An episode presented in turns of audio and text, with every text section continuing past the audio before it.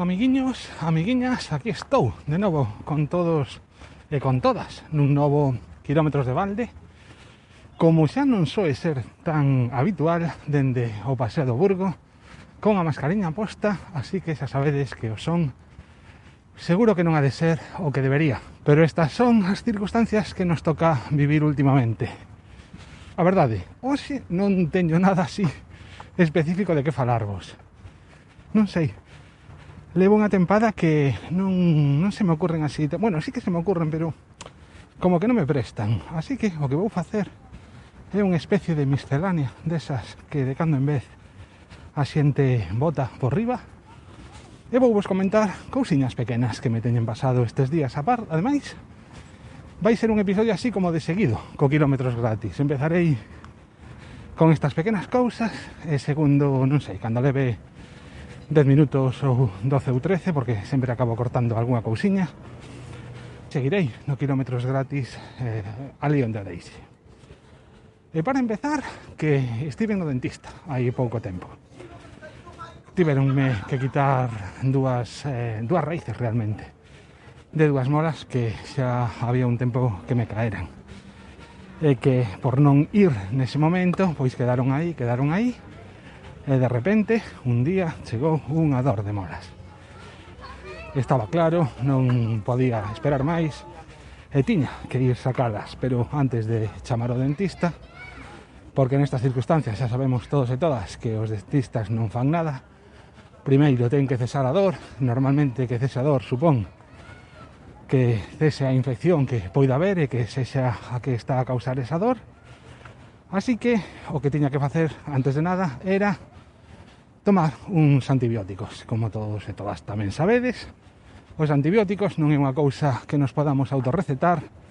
Eu ademais non me autorreceto nada, realmente, bueno, simplemente cando teño algún tipo de dor tomo paracetamol, pero é o único que me atrevo a tomar sin receta, porque xa son moitas as cousas que tomo e nunca se sabe os eh, os efectos secundarios que pode ter tomar algo que non deba. Bueno, non sei por qué, igual bueno, porque vou moi deprisa, pero encima, claro, a mascarilla.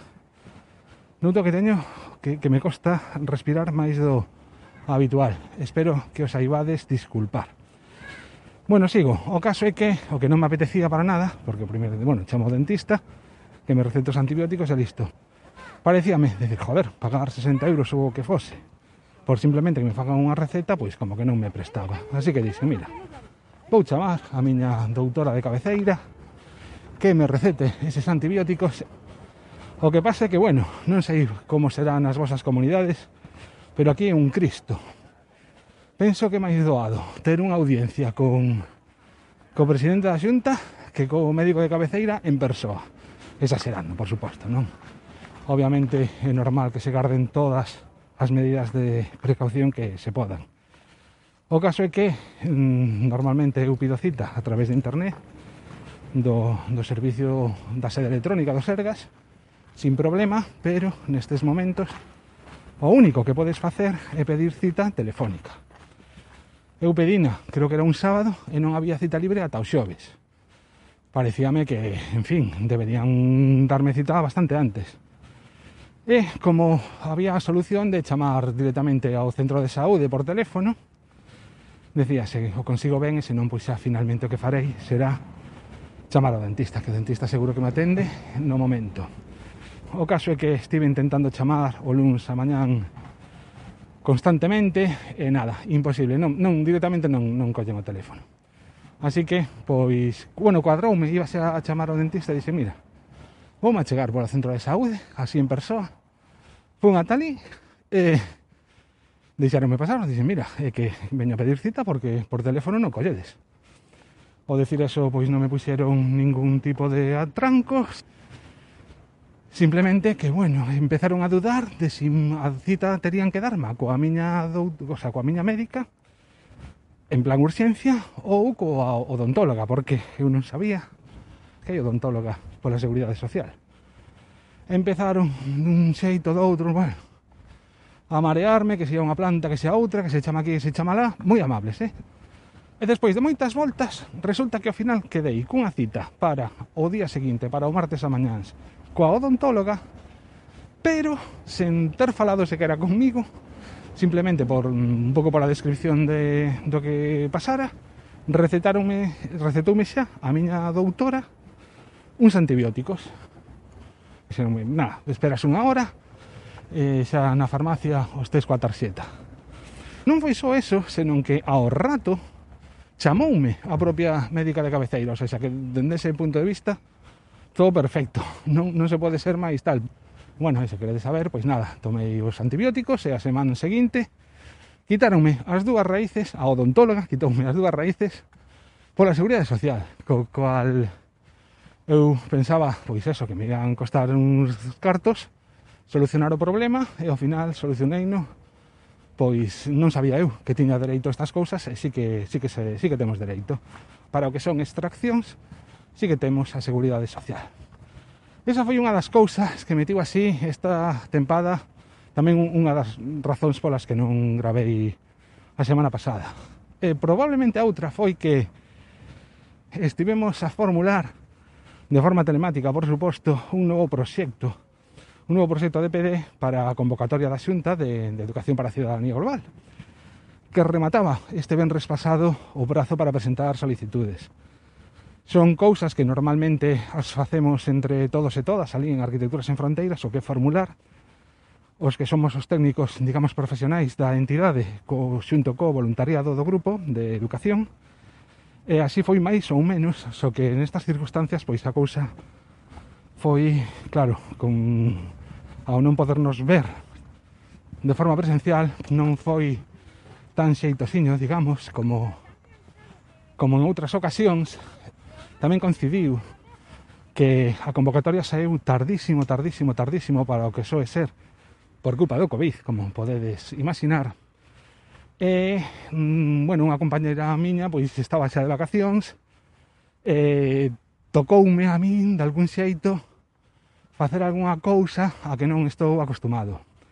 Todo isto mezclado co dor de moas e, e todo isto, pois ao final fixo que ata o Benres, non vou decir que a última hora, porque non foi tal, non foi a última hora, pero vamos, sí que estiven un pouquiño máis liado do que soe ser habitual. Pero por outro lado, tamén moi contento, moi ledo, porque que queredes que vos digo? Cando repaso toda a documentación que hai que entregar para unha convocatoria destas, a complexidade que ten, non só a hora de cubrila, porque hai moitos, o sea, tes que guardar unha coherencia total e absoluta a hora de, de presentala, senón pola calidade da, do proxecto que estamos a presentar. Realmente é que é un proxecto do, do que estou orgulloso de, de participar nel aínda que despois, pois polo que sexa, pois porque as cousas están moi reñidas entre todas as ONGs e os presupostos que hai para este tipo de cousas se xan pequenos, pois igual ao final non, non obtemos subvención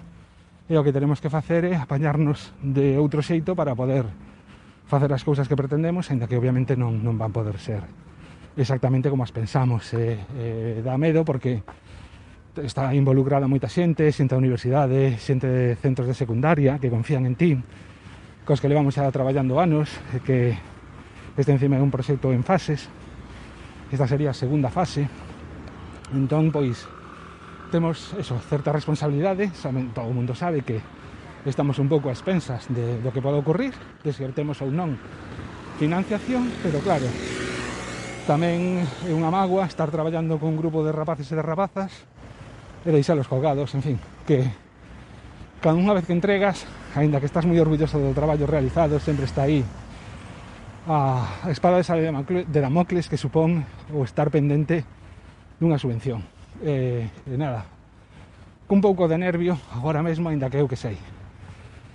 En certo modo tamén bastante confiado, porque dende 2013 que nos estamos presentando estas convocatorias, só un ano non, ao final non conseguimos a subvención e ademais ese ano foi quedamos, por así decir, foi o primeiro proxecto sen subvención porque o que se fai é valorar por un lado a entidade ou o consorcio de entidades no caso de que se presenten en asociación para un mesmo proxecto xunto co unha propia valoración do proxecto a suma.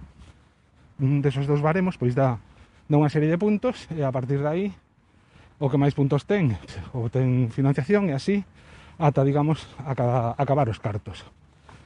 Realmente en Arquitecturas en Fronteiras, xa digo, non nos podemos queixar porque incluso en outro tipo de convocatorias, por exemplo, neste tempo tamén saiu a resolución de outro tipo de proxecto, unha cousa moitísimo máis pequena, moitísimo, pero bueno, que incluso non se presentan só ONG, senón calqueira tipo de asociación, e resulta pois que quedamos o segundo proxecto mellor valorado, para que vos fagades unha idea hai pouco tamén saíron as, a resolución das convocatorias de proxectos de, de cooperación no exterior e Arquitecturas en Fronteiras que presentaba dous proxectos, sacou os dous proxectos, ademais foron o mellor e o segundo mellor valorados.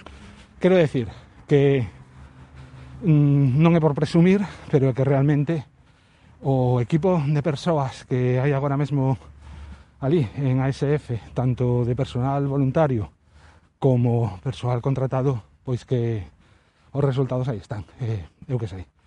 Que bueno, que confío. E non me, bueno, ao final non sei ni canto tempo levo.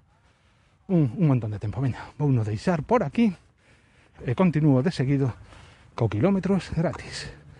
Parte que xa é noite, sabedes, non? Dixen, eh, hoxe é domingo. Domingo 9 de agosto. Eh, en vez de camiñar a mañán, bueno, isto xa o falo mm, agora mesmo a continuación no Kilómetros Gratis. Veña, meus. Chao, chao.